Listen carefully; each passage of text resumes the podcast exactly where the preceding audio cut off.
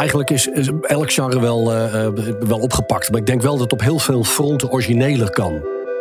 Maar ik wil er zelf ook wel eens een keer weten van... Um, ja, luistert men het nou veel en gebruikt men het nou? En waarom wel, waarom niet? Wij hebben echt enorm veel luisteraars binnen een hele korte tijd gehad. Dat was voor ons echt een, echt een grote verrassing. Hallo en welkom bij de tweede aflevering van de Markteffect Podcast Monitor. De Podcast Monitor zelf, dat heeft uh, inmiddels de vijfde editie bereikt. De podcast, dat is de tweede editie.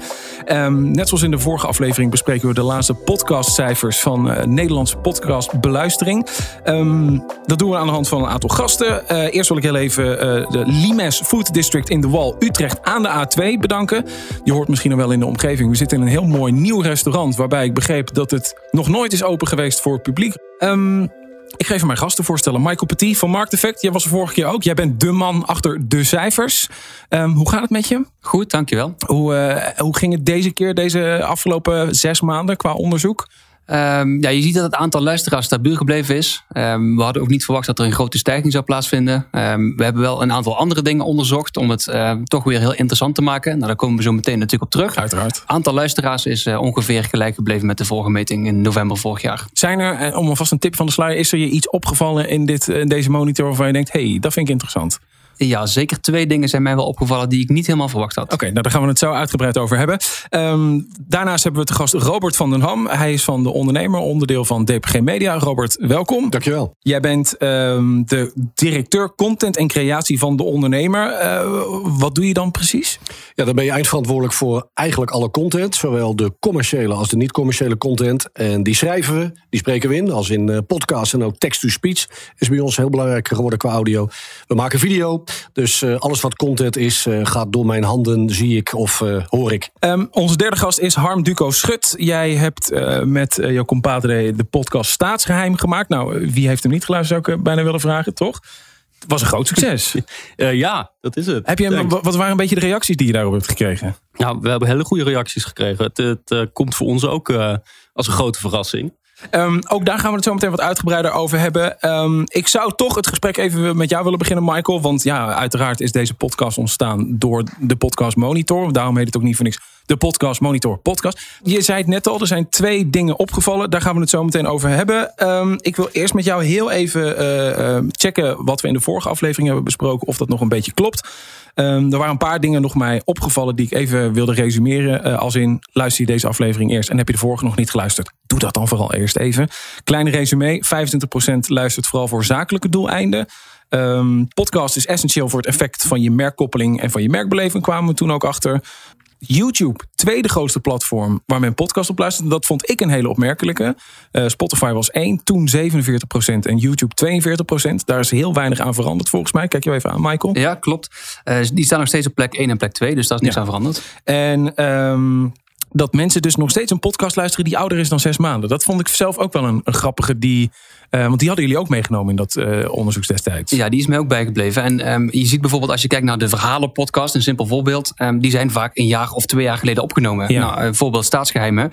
Um, stel dat je die over twee jaar voor het eerst tegenkomt. Die is niet gedateerd, want die kun je altijd blijven luisteren. Er zijn bijvoorbeeld zaken over uh, specifiek nieuws, verkiezingen. Die ga je over een half jaar niet meer terugluisteren. Maar verhalen of specifieke thema's, die blijven gewoon actueel en blijven gewoon interessant om te blijven beluisteren. Ja, en zelfs ook al, hè, volgens mij was het Chris Bergström van Mama Man, de podcast die te gast was, die zei van joh, ik luister nog steeds de dagelijkse podcast van het NRC. En zelfs drie maanden na dato is dat eigenlijk nog wel heel interessant om, uh, om naar te luisteren. Nu even naar de cijfers uh, van nu. Ik, ik noem even hier wat op. Uh, de helft van alle volwassenen luistert een podcast. Zo goed als. Zo goed als. Ja. Uh, in de vorige meting zagen wij dat 47% van de Nederlanders wel in zijn podcast luisterden. Uh, dat hebben wij um, onderzocht vanaf 16 jaar en ouder. heel veel onderzoeken in Nederland representatief zijn vanaf 18 jaar. We hebben hier bewust 16 jaar aangehouden. waarom? Ook omdat studenten heel veel en heel fanatiek luisteren. Ja. Meer dan 70% van de studenten luistert zelfs naar een podcast. Ja. Um, wat we ook hebben gedaan is de definitie iets aangescherpt. En wat we um, daarmee hebben willen bereiken is dat we er zeker van zijn dat mensen het luisteren naar muziek niet zien als het luisteren naar een podcast. Want Was dat voorheen wel zo dan? ja, je zag in de open antwoorden dat er wel iets van, iets van verwarring was. Dat men dacht dat als ze een, een audiofragment gewoon muziek streamde, dat ze dachten dat ze een podcast luisterden. Dus we hebben net een wat iets aangescherptere definitie gegeven. Eh, hoe men een, een podcast moet definiëren en wat een podcast is. En je ziet dat nu 44% van de Nederlanders daar wel eens naar luistert.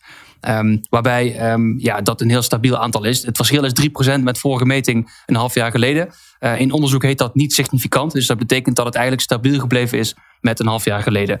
En als je kijkt naar de verwachtingen die men destijds ook uitsprak, verwacht ik meer of minder te gaan luisteren. Nou, is dat ook een heel eh, te verwachten beeld dat het niet heel erg schokkend gestegen of schokkend gedaald is. Dus het ligt ook wel in de lijn naar verwachting dat het ehm, ongeveer 44, 45, 46 procent gebleven is. En 137 minuten per week wordt er nu gemiddeld geluisterd naar een podcast. Ja, dat hebben we uitgevraagd aan de mensen die of dagelijks of wekelijks luisteren. Dus Ja. mensen die maandelijks luisteren of minder dan maandelijks, daar hebben we dat niet aan gevraagd. Eh, maar mensen die dus ehm, frequent luisteren, aan hen hebben we gevraagd hoe vaak en hoeveel luister je dan? Nou, 137 minuten gemiddeld per week. Nou, als je weet dat de gemiddelde aflevering zo'n 30, 40 minuten ongeveer duurt, nou, dan kun je uitrekenen dat het zo'n 4, 5 podcasts per week zijn. Dat is veel. Ja, is wel veel. Ehm, aan de andere kant, men luistert ook vijf podcasts gemiddeld per persoon. Dus stel dat je één aflevering per podcast luistert, nou dan heb je eigenlijk je aantal al bereikt. En sommige podcasts komen twee keer per week uit, andere één keer per maand. Dus nou, ik denk dat het aantal eh, heel goed te verklaren is en ook wel heel erg, ehm, heel erg klopt. Ehm, dus het zijn geen schokkende aantallen, maar het geeft wel aan dat het een, een behoorlijke tijdsinvestering is van mensen die daarin stoppen. Harm, eh, staatsgeheim, ik heb hem geluisterd. In het totaal zijn het vier afleveringen van nog net geen half uur, toch? 25 minuten, ja. Als je dan hoort dat de gemiddelde luistertijd 137 minuten is... en je weet dat je onder de 120 zit met je hele podcast... Ja. ga je dan de volgende podcast langer maken? Of, eh, Nou ja, ik, ik vind het eh, inderdaad best wel veel wat je zegt. Ehm, wij hebben het bewust 25 minuten gehouden. Eh 20, 25 minuten was het idee. Eh, hoe lang zit iemand in een auto of in een trein? En als je dan op 40, 45 minuten gaat zitten bijvoorbeeld... dan loop je kans dat iemand er al is en hem uitzet... en niet verder eh, gaat luisteren als die weer... Snap je dat je een Mhm. beetje, eh, beetje vastloopt in je verhaal? Terwijl als je elke keer eindigt met een cliffhanger na 20, 25 minuten, eh, dan eh, gaat iemand op de terugreis weer verder luisteren, was het idee. was het een, een filosofie bedacht vanuit data? Of was het gewoon echt gewoon van... nou goh, ik zit zelf zo lang in de auto, dus dan ongeveer dit? Of... Eigenlijk kwam, eh, kwam ons idee van het verhaal en de visie van Topcast, die daar natuurlijk veel meer in gespecialiseerd is, van wat werkt het best. Eh, die kwamen wel samen. Het is niet zo dat we het verhaal eh, eh, rigoureus hebben moeten veranderen. We zaten toevallig ongeveer op, dat, op die tijd. En Topcast eh, die heeft ook gezegd, nou dat, dat moeten we vooral zo houden. Dus volgens jou is dus wel de ideale lengte ergens plus minus. Oh, Michael, ja, je steekt je vinger op. Ja, Ja, Ik, denk, ik ga er niet doorheen praten, want dat is natuurlijk niet fijn voor de luisteraars. Maar eh, het grappige is, we hebben eh, onderzocht ook wat de ideale lengte is van een podcast. eh, wat de luisteraars vinden. ja. En die staat op 32 minuten. Oh, Dus ik denk dat je met eh 20, 25 minuten heel veilig zit. Wat je inderdaad merkt is dat als men veel en lang luistert... en als de afleveringen te lang zijn, dat men op een gegeven moment gaat stoppen. En zo'n ja, net geen half uurtje ja, is toch wel een soort van teaser van... joh, eh, ja, je haalt het net wel of je haalt het net niet. Maar je gaat in ieder geval niet zeggen van nou laat maar zitten, ik luister niet meer verder. En als je vier afleveringen hebt die net geen 135 minuten zijn... ja, grote kans dat ze die in één keer eh, in één week al afgeluisterd Ja, hebben. nou, dat, hebben we, dat hebben we ook wel veel gehoord, dat mensen het eh, in één keer hebben afgeluisterd. guilty. Ja, en, eh, eh, maar dat, dat is wel. Kijk, we hebben natuurlijk wel heel bewust eh, steeds gedacht: je moet. we, we gaan een verhaal proberen te schrijven. waarbij je constant op het puntje van je stoel blijft zitten. En dan moet het gewoon niet te lang duren. Nee, precies. Hoe, eh, Als je dan kijkt naar de lengtes van jullie podcast, Robert, van de ondernemer. eh, De een duurt 20 minuten, de ander duurt 45 minuten. Zit daar ook een filosofie achter? Of? Ja, het, het kan gelukkig nog een combinatie zijn van buikgevoel. Dat kan Ja. gelukkig dus nog, maar ook data. Eh, wat wij heel erg eh, uit ons onderzoeken van inmiddels alweer anderhalf jaar geleden hoorden. Van, we zien natuurlijk allemaal dat klokje erbij. Hè? Dus eh, vooraf, voordat je gaat luisteren, weet je drie kwartier. Wow, oké. Drie kwartier. De trein, auto, heb ik daar tijd voor? En we merkten dat op het moment dat we veel meer naar dat half uur gingen, dat dat sowieso al iets deed met de start. Ja. Eh, en toen zijn we weer die combinatie van buikgevoel en data gaan toepassen. En toen zagen we inderdaad ook die lengte van rond dat half uur. Daar zitten we goed. Maar we zeggen ook altijd tegen de presentatoren: ehm, eh, ga nou niet naar dat half uur toepraten. Als het 20, 25 minuten is het ook goed. ja, precies. Dus dat, die gemiddelde lengte komt al overeen met het nieuwe recente onderzoek. eh, Dus we proberen daar een beetje op te focussen. Maar niet dat er een eindredacteur gaat zwaaien van... Zeker niet. hey, eh, ophouden, het is te vooral niet doen. Nee, Oké. nee. Ehm, heel even terug, terug naar een beetje wat, wat ons opviel eh, uit de cijfers. Eh, een derde is geabonneerd op podcast. En dit was in de vorige meting nog een kwart. Ja, ik weet niet waarom men meer geabonneerd is. Ehm, wat ik me zou kunnen voorstellen, maar dat is een aanname vanuit mijzelf, is dat men toch wel ziet dat er heel veel reeksen zijn. Eh, en een van de dingen die mij wel ook opviel in de, in de cijfers, is dat. ehm, Kijk, een aantal categorieën waar men naar luistert zijn stabiel en blijven populair. Denk aan nieuws, denk aan sport, denk aan cultuur, ehm et cetera. Eh, maar een van de ja, snel opkomende categorieën is het volgen van interessante personen. Ja. En ja, dat zijn natuurlijk wel reeksen waar je per definitie op gaat abonneren. Want je wil, als jouw favoriete persoon wederom een podcast uitbrengt, dan wil je een notificatie hebben. Ja. En er komen ook heel veel verhalen bij. Nou, verhalen, daar wil je op geabonneerd zijn. Want je wil niet eh, na een, eh, een spannende einde van aflevering 3 opeens niet meer weten waar je de volgende aflevering moet vinden. Nee. Dus ik denk ook dat het aanbod van podcast daarmee te maken heeft. En, maar goed, dat, dat is wat ik denk. Misschien dat de presentatoren daar in de aflevering ook wat meer aandacht aan geven. Van joh, abonneer je op onze reeks. Want dan krijg je ook een melding als de volgende podcast weer live komt te staan. En je bedoelt dus met de podcast van bekende personen... heb je dus echt de persoonlijke podcast van bijvoorbeeld een Kai Gorgels... Monica Geuze, Arie Boomsma en dat soort mensen? Ja, Oké. ja. Ehm, wat ik heel grappig vond dat je er ook in meegenomen hebt, is Clubhouse. Ja. Eh, naar mijn idee was het echt een hype en is het al voorbij. Hoe, hoe kijk jij daarnaar? Ja, we hebben hem eh, bewust meegenomen omdat heel veel mensen het ook verwarren met podcast. We zijn er niet heel erg diep op ingegaan. Maar ik wil er zelf ook wel eens een keer weten van, ehm, ja, luistert men het nou veel en gebruikt men het nou en waarom wel, waarom niet? Ehm, de bekendheid vond ik opvallend hoog. Ehm, dat was 43% Die gaf aan, ik ken Clubhouse, al is het alleen maar van naam. Ja. Eh, daarvan zegt in totaal zegt 9% er wel eens gebruik gemaakt van te hebben. Dus dat aantal is nog relatief laag. Eh, maar misschien ook wel weer best wel hoog, omdat het pas een half jaar bestaat. Mijn gevoel zegt ook dat het een hype is die vrij snel weer voorbij is. Maar goed, hè, wie weet eh, ontwikkelt het zich ook eens een raket. Ehm, ik zag ook, eh, ik zei het net al, YouTube werd in het vorige monitor kwam naar, buiten, eh, naar boven dat dat de tweede best beluisterde platform is na Spotify. Ik zie dat dat percentage niet veranderd is. Het was toen 42, nu nog steeds 42. Maar jullie hebben er wel meer diepgangvragen eh over gesteld. Ja. Was dat dus op basis van die, eh, hoe zeg je dat, die verrassing die dus vorige keer opkwam? Of? Nou, heel veel vragen die wij kregen na de vorige meting was... eh, oké, YouTube vinden we verrassend, want YouTube is natuurlijk een videokanaal. Ja. En eh, podcast is per definitie een audiomateriaal. In ieder geval, in de meeste gevallen. Want er zijn ook heel veel podcasts waar je naar kunt kijken. Dus de vraag die bij heel veel mensen naar boven kwam... en die ze ook ons stelden is... kun je nou in de volgende meting meenemen... of men ook naar podcast kijkt? Ja. En of ze dat weten en of ze dat willen. Dus dat hebben we meegenomen. En eigenlijk vond ik dat een van de twee dingen die ik best opvallend vond. Is dat Ah, we hebben de eerste. We Yes, hebben de eerste. got it. Ehm, 17% geeft aan dat ze regelmatig naar een podcast kijken. Ja. En ehm, ik doe het zelf persoonlijk nooit. Ik luister, vooral onderweg, maar ik kijk er nooit naar.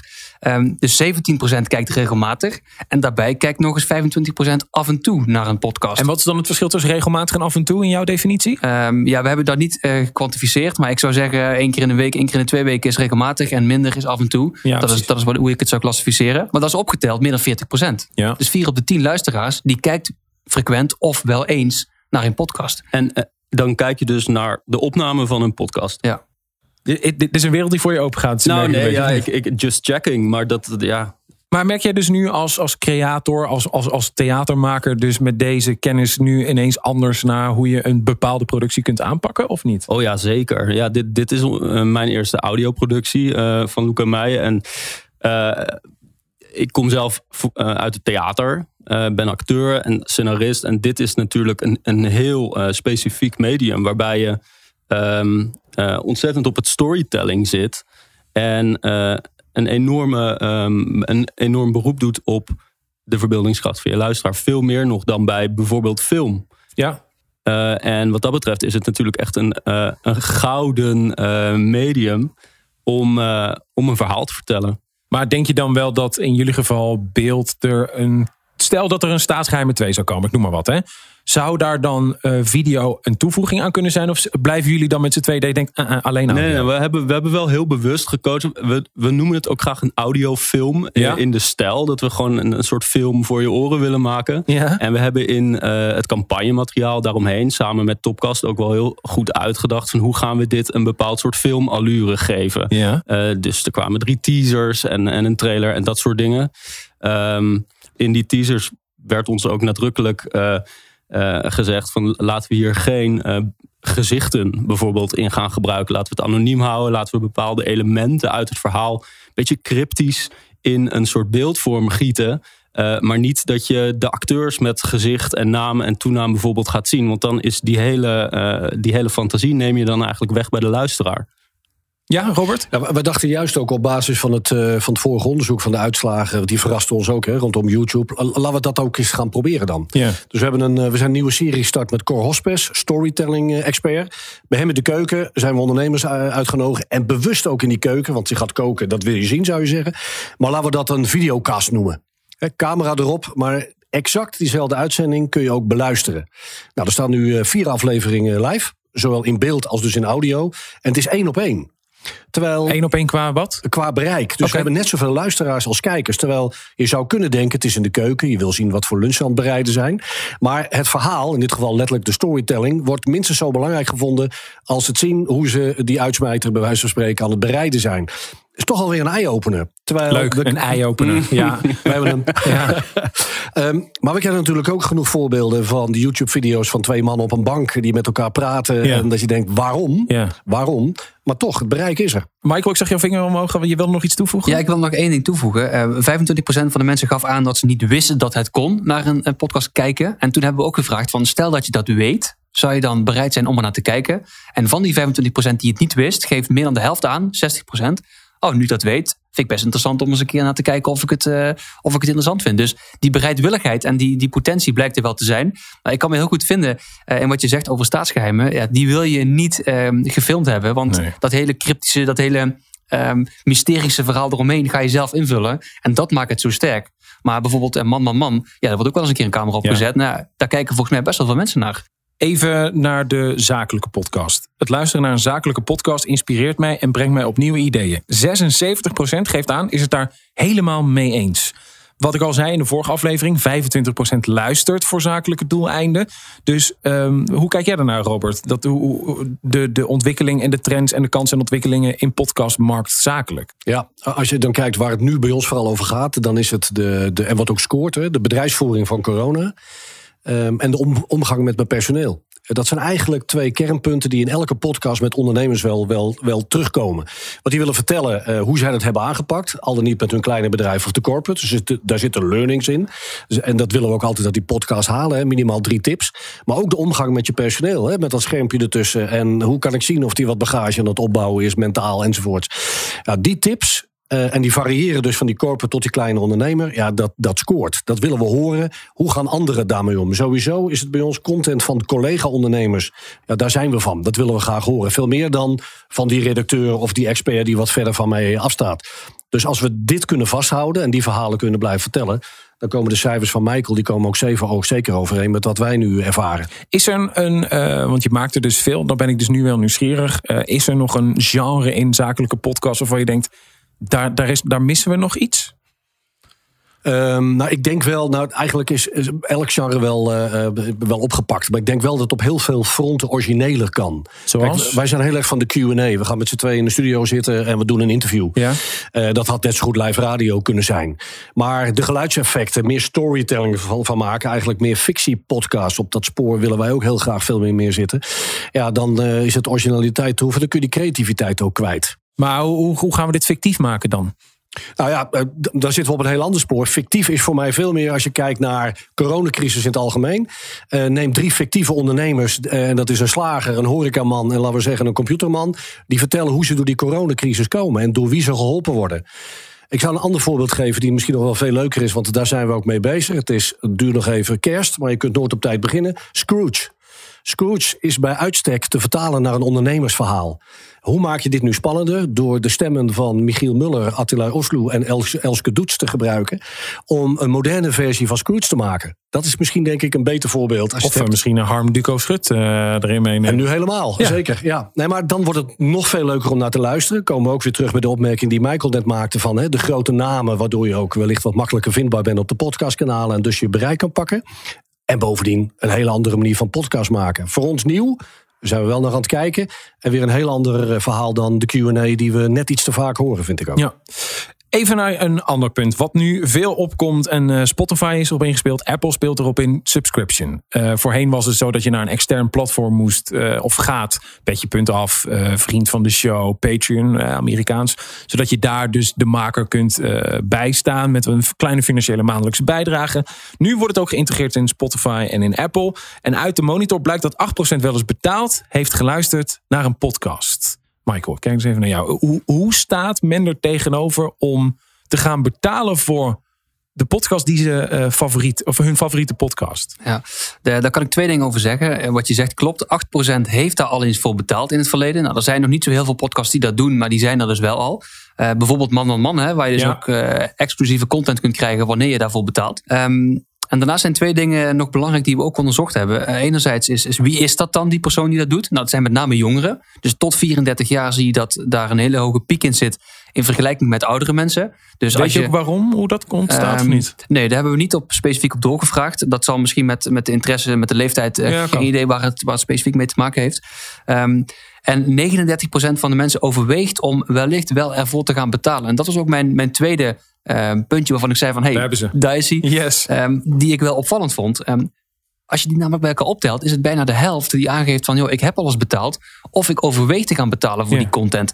En dat vind ik persoonlijk best wel veel. Waarom? Ik, ja, ik weet niet, de podcast, de, de, het, het, aanbod is zo groot. je kunt heel veel dingen luisteren.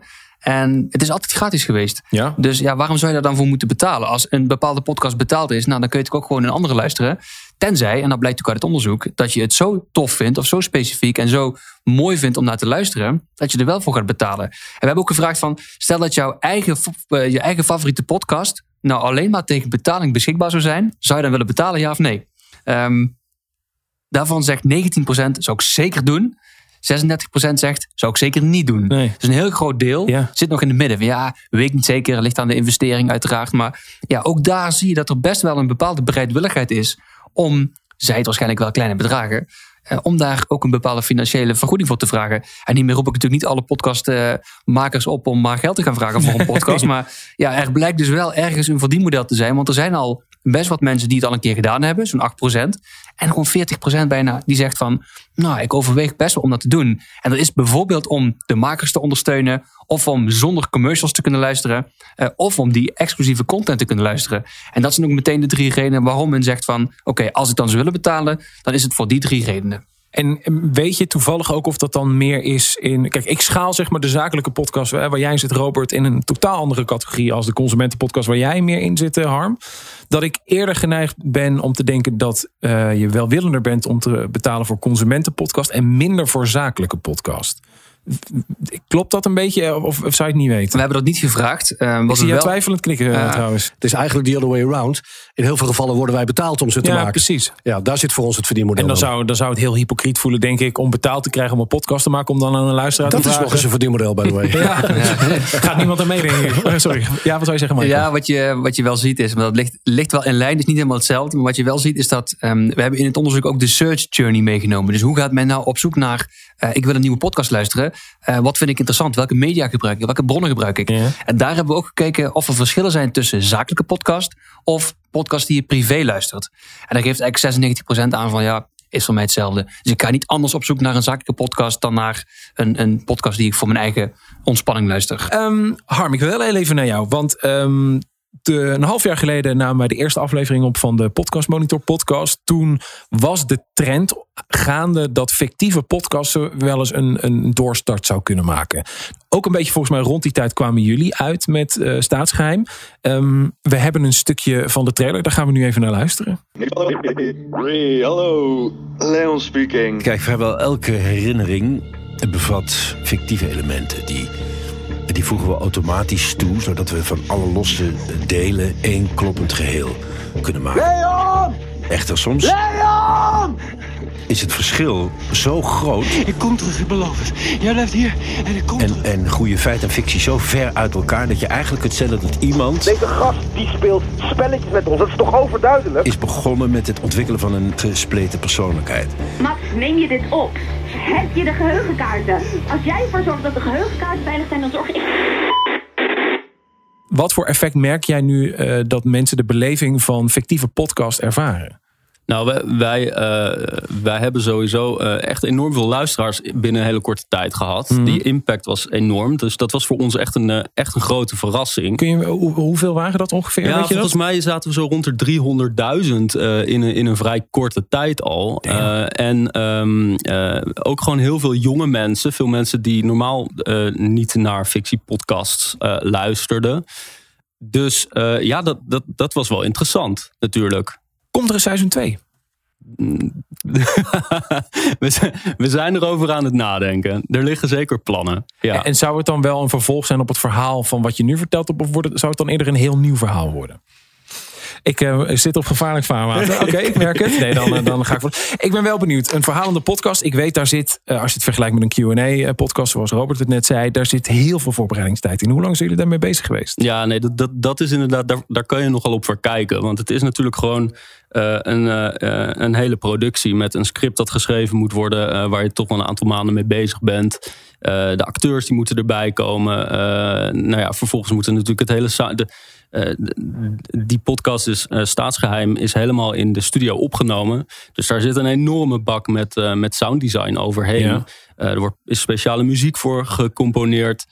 Dus al met al ben je daar gewoon een aantal maanden heel druk mee bezig, ja. En, en zijn jij en Loek met z'n tweeën echt vooral daarmee bezig geweest of niet? Ja, we hebben het geschreven. Eh, we hebben het, ehm, eh, nou ja, de acteurs eh, ge- gezocht en gecast. En we zijn aanwezig geweest bij de edit natuurlijk en bij de opnames zelf. Dus we zijn er wel constant bij geweest, ja. Heb je dan nu ook, nu dit zo project gedaan hebt, je ziet het succes ervan. nou, nou, om maar even een paar voorbeelden te noemen. onafgebroken in de Spotify top 100 als best beluisterde podcast. Eh, die, je steeg direct eh, naar de top van de hitlijsten. Het Nederlands Dagblad, een nagelbijtend spannend coronadrama. Oftewel, je hebt eigenlijk dus al een succes in handen. Als je nu kijkt naar jouw eh, carrière als theatermaker. ehm, wil je het toneel dan nog wel op? Of, of duik je dus nu liever alleen maar de studio in? Nou, het, ik, ik vind het toneel geweldig, maar mijn carrière en ook die van Luke, die eh, fotograaf filmmaker is, die, die heeft nu toch wel een wending ook Ja. genomen. Ja. Dus we zijn nu, eh, nu eh, veel bezig met schrijven. Ja. Is er iets wat jij in je maakproces hebt geleerd, wat je nu zou willen meegeven aan bijvoorbeeld een Robert die meer in de zakelijke podcast zit? Nou, allereerst wil ik graag zeggen dat, dat ik. Kijk, wij hebben. we- dit was er niet geweest zonder Topcast. Mhm. Eh, kijk, wij hebben een leuk idee gehad. En we hebben eh, nou, een netwerk binnen dat, die acteurs en, en, en, en hè, die hele creatieve sector. Maar uiteindelijk moet het natuurlijk ook aan de man gebracht worden. En daar hadden we Topcast natuurlijk mee, die daar, Ja. die daar ontzettend van zijn. En die combinatie is natuurlijk goud geweest. En, en voor mij als maker is het gewoon de grote droom om en iets te maken wat creatief gezien eh, een hoge kwaliteit heeft. Eh, werken met eh, goede acteurs, goede mensen. En als dat dan ook nog eens commercieel interessant gemaakt kan worden. en een groot publiek kan bereiken. en niet alleen een niche publiek. En dat is natuurlijk, als je naar theater kijkt, toch een groot probleem. Want dat Ja. is en blijft, hoe je het ook went of keert, een niche. Ja. Dan, dan is podcast natuurlijk een extreem interessant medium. omdat je zoveel mensen kan bereiken. En vanuit een zakelijk perspectief, eh, met, die, met die kennis van nu, eh, hoe, hoe zouden ondernemers met jouw ervaring in de verhalende podcast, eh, wat zouden ze daarin mee kunnen nemen als zij een podcast willen maken? Nou, ehm, dit is natuurlijk ook smaak, maar ik denk dat ik, ehm, ik, denk dat ik namens veel fictiepodcastluisteraars spreek. dat ehm, het hoorspel van vroeger, waarbij je dan naar een soort eh, verhaal ging luisteren. Ja, ik denk niet dat dat nog echt heel erg werkt. En eh, je moet zoeken naar een vorm eh, waarbij het fictieve verhaal dat je hoort iets ja, heel dicht bij jou staat. En zo zijn we met staatsgeheim in, in dat found footage genre gekomen. Eh, we hebben ons laten inspireren door de Blair Witch Project bijvoorbeeld. Eh, wa- waardoor de luisteraar kan denken dat je een beetje een soort brug slaat Ja, tussen feit en fictie. En we hebben ook heel bewust gekozen voor eh, een actueel thema. En en de, hè, de thema's die nu actueel zijn, meenemen in een, in een fictief verhaal. Michael, zijn er nog dingen waarvan je denkt, dit vond ik zo belangrijk, dit moet ik in ieder geval nog even gemeld hebben? Wat ik wel nog interessant vind om te vermelden is dat we, ehm, is dat we ook heel erg hebben ingezoomd op nou die, die search journey. Hoe ziet die eruit? Dus stel dat je een nieuwe podcast wil gaan luisteren. Welke kanalen, welke nieuwswebsites, welke bronnen, welke social media. eh, wat kijk je, wat volg je? En we hebben daar best wel diep op ingezoomd. Dus het rapport bevat ehm, naast eigenlijk alle algemene feiten, cijfers over luistergedrag, categorieën, reden om wel niet te luisteren, hebben we ook nog een, een bijlage gemaakt. Um, waarin we dus heel specifiek inzicht geven in hoe gaat men nou op zoek naar een nieuwe podcast om te luisteren. En ja, hoe lang duurt het nou over om te bepalen of een podcast die je aan hebt gezet, of die ook bij je past. Is dat twee minuten? Is dat twee afleveringen? Dus hoe lang, hoe lang doe je daarover? En daar hebben we een bijlage voor gemaakt die we dus ook um, ja, simultaan aan de podcast monitor, die uh, begin juni zal verschijnen. Um, nou, nu denk ik. Als dus je wanneer je dit luistert, is hij inderdaad ja, uit. ja. Um, download hem vooral op onze website en. Um, maar wanneer je dus uh, de podcast monitor downloadt, dan kun je dus ook um, additioneel de hele search journey kun je afnemen, waarin je wat meer informatie krijgt over hoe iemand nou op zoek gaat naar uh, een nieuwe podcast om te beluisteren. En is vooral interessant, denk ik, voor de makers en de producenten en um, ja, de, de marketeers erachter, die dus willen zorgen voor vindbaarheid en voor bekendheid van hun, uh, hun podcast. Laatste vraag. Wat is er uit de monitor gekomen nu wat je graag in de volgende zou willen, verder zou willen onderzoeken? Ja, het zijn met name de twee zaken die ik ook als meest opvallend zag uit dit rapport. Uh, enerzijds dus het kijkgedrag, dus gaat dat stijgen. Ik verwacht dat er ook meer, uh, meer um, aanbod komt aan, aan um, beeldmateriaal. Dus dat aanbod zorgt dat ook voor dat er daadwerkelijk meer gekeken gaat worden. En anderzijds het betaalgedrag. dus en daar verwacht ik eigenlijk hetzelfde. Ik denk dat er meer uh, exclusieve content te krijgen gaat zijn. En is men ook bereid om daartoe te gaan betalen? En wat ik dus aangaf is dat best veel mensen daartoe bereid zijn. Nou, 8% heeft het alles gedaan. Dus als we over een half jaar weer opnieuw meten, nou, is dat aantal van 8% is dat dan gestegen of ongeveer gelijk gebleven. En blijft het dus vooral bij een intentie, maar gaat men niet over tot aankoop? Of zien we dat men dat ook daadwerkelijk weet om te zetten? En overal algemeen natuurlijk gewoon het totaal aantal luisteraars in Nederland. Maar ik verwacht eerlijk gezegd dat die iets zal stijgen. Dat is mijn, mijn verwachting, uh, maar niet uh, grandioos hoog. Oké. Wat ik toch wel interessant erbij zou vinden, Michael, is: uh, gaan we dan, willen we, moeten we gaan betalen voor die ene podcast? Of gaan we straks betalen voor iTunes, waardoor we al die podcasts mogen gaan beluisteren? Een soort Spotify-model, maar dan richting iTunes en alle andere kanalen. Dus stel dat Soundcloud zegt: het mag nog wel, maar een x-bedrag per maand. Wat gaan we dan doen? Ja, die zouden we mee kunnen nemen ja. in de volgende meting ook als vraag. Hè. Dus stel dat je podcast alleen nog maar kunt beluisteren op een bepaald kanaal waar je voor moet betalen. Ja. Of dat je dus juist voor individuele podcasts moet betalen. Precies. Nou, waar is men toe bereid? Nou, dankjewel. Heren, mag ik jullie alle drie hartelijk bedanken voor jullie deelname aan dit gesprek. Dit was uh, de Podcast Monitor podcast aflevering 2. Deze podcast is ontwikkeld en geproduceerd door As We Speak Podcast. Uh, de monitor zelf kun je vinden, je zei het net al Michael, maar die is te vinden op www.markteffect.nl. Super, dankjewel en uh, tot de volgende.